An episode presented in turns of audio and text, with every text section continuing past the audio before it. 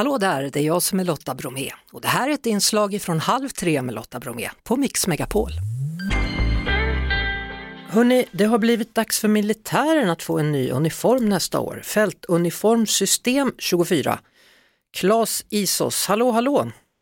Hej hej! Brigadgeneral och avdelningschef vid, håll i er nu, logistikstridskraftsavdelningen.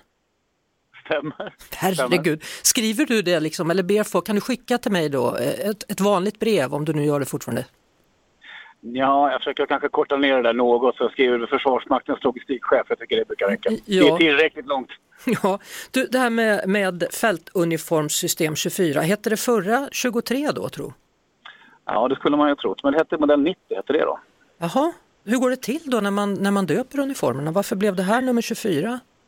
Ja, jag skulle säga så här att det är egentligen inget löpnummer i sig utan det är snarare nästan årtalet som man driftsätter systemet. Så att 2024 kommer vi driftsätta nästa system så därför blev det fältuniformssystem 24. Mm. Svårare så var det Varför är det dags att uppdatera? Hörru? Ja, ska säga, vi lanserade ju förra systemet var ju typ 1990 så att det har ju några år på nacken.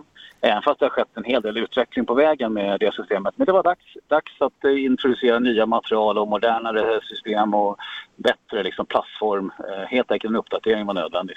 Man kan nästan förstå det. Det är ju alltså 34 år sedan eh, ni hade ett system då. Ja, ja. ja. N när du gjorde lumpen då, vilket jag utgår ifrån att du har gjort, hade du då 90? Nej, jag är till och med äldre än så. Jag hade ju modell 59, vilket var från 50-talet då, så det var ju liksom ännu mer basalt. Så, så, går man, eh, alltså, var det 59 som sen blev 90 som nu blir 24?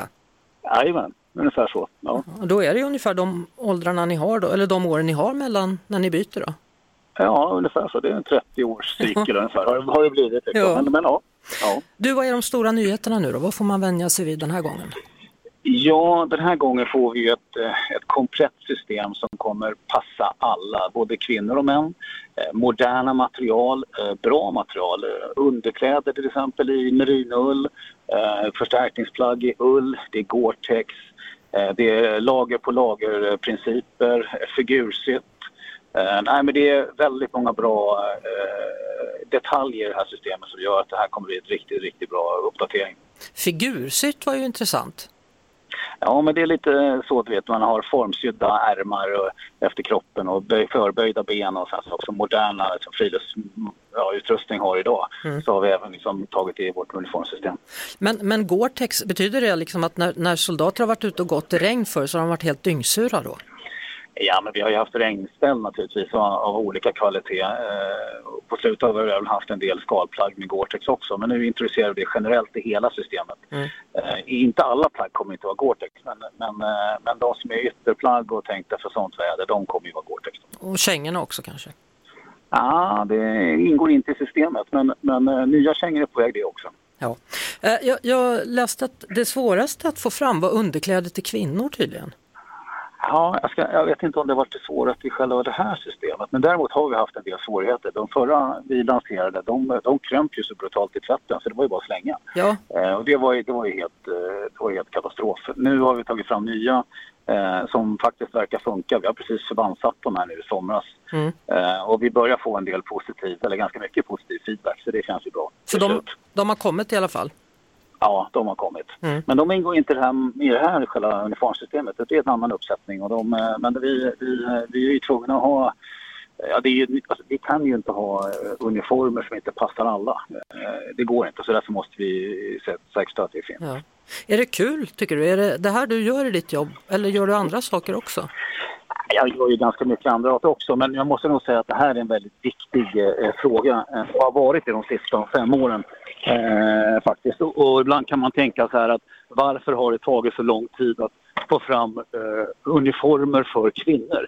Och det har ju varit ett stort problem för oss måste jag säga. Det, man kan tycka vad man vill, det har tagit väldigt lång tid. Mm. Det är bara att konstatera. Men nu ser vi att vi har ett system på gång som, som vi, vi tror väldigt mycket på. Mm.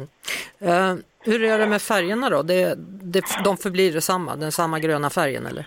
Ja, det blir, det blir samma mönstertryck som, eh, som vi redan har. Eh, det är samma kamouflage som modell 90 Vi valde att behålla det för att det, det har vi märkt att det, det, det känns fortfarande modernt och det, det, folk uppskattar att ha det på sig. Så.